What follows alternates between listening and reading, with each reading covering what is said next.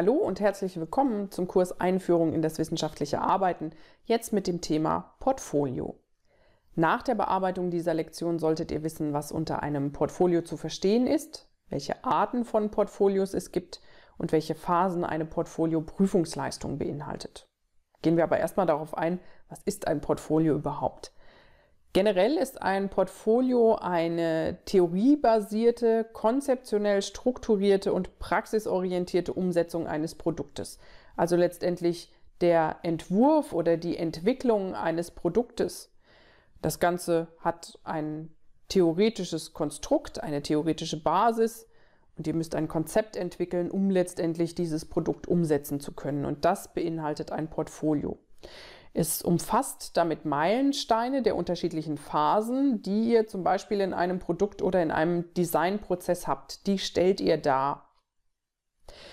Es gibt unterschiedliche Arten von Portfolios. Das Präsentationsportfolio dient primär der Bewerbung und auch der Selbstvermarktung. Dann gibt es noch das Reflexionsportfolio. Da wird der individuelle Lern- und Prüfungsprozess reflektiert und dann gibt es das Entwicklungsportfolio, das dokumentiert die Entwicklung von Qualifikationen und Kompetenzen für die Berufskarriere. Jetzt schauen wir uns den Prozess an und ein Portfolio-Prozess oder die Prozessphasen innerhalb dieser Portfolio-Prüfungsleistung können iterativ ablaufen. Und iterativ bedeutet in sich wiederholenden Schleifen. Also ihr könnt durchaus einzelne Schleifen mehrmals durchlaufen, solange bis ihr mit dem Ergebnis zufrieden seid. Ihr startet mit der Konzeptionsphase. Ihr konzipiert also erstmal, ihr skizziert erstmal. Das Ganze findet noch offline statt. Ihr macht Scribbles oder Rohentwürfe, also ihr zeichnet vielleicht mal was, ähm, ihr fasst mal was zusammen, ihr gestaltet mal etwas. Und zwar ein gewünschtes Produkt. Und dann wird diese Skizze weitergeleitet an den Tutor, zusammen mit einer ersten Konzeptidee, dass der Tutor weiß, okay, was verbirgt sich dahinter, wofür ist diese Skizze denn überhaupt gedacht. Der Tutor beurteilt das Ganze dann auch und gibt Empfehlungen zur weiteren Vorgehensweise. Und auf dieser Basis könnt ihr dann anfangen und könnt digitale Entwürfe erstellen.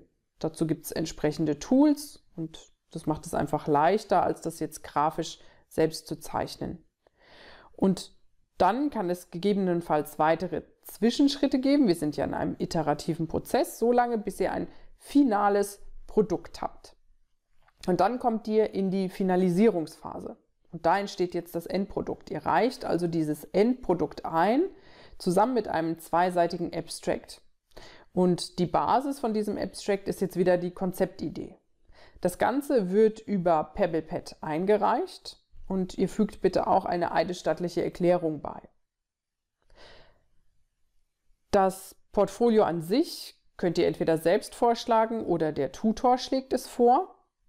Die Betreuung erfolgt über den Tutor über die Kanäle, die er vorgegeben hat. Und es gibt auch wieder Sprechstunden, Online-Tutorien, in denen ihr den Tutor kontaktieren könnt und Fragen stellen könnt. Zusammenfassend kann man also sagen, ein Portfolio beinhaltet die theoriebasierte, konzeptionell strukturierte und praxisorientierte Umsetzung eines Produktes. Man unterscheidet Präsentations-, Reflexions- und Entwicklungsportfolios und die Erstellung einer Portfolio-Prüfungsleistung ist ein iterativer Prozess. Also es gibt sich wiederholende Schleifen unter Umständen. Es gibt folgende Phase, die Konzeptions-, die Erarbeitungs- und die Finalisierungsphase. Das in aller Kürze zum Portfolio. Vielen Dank fürs Zuhören und bis zum nächsten Mal.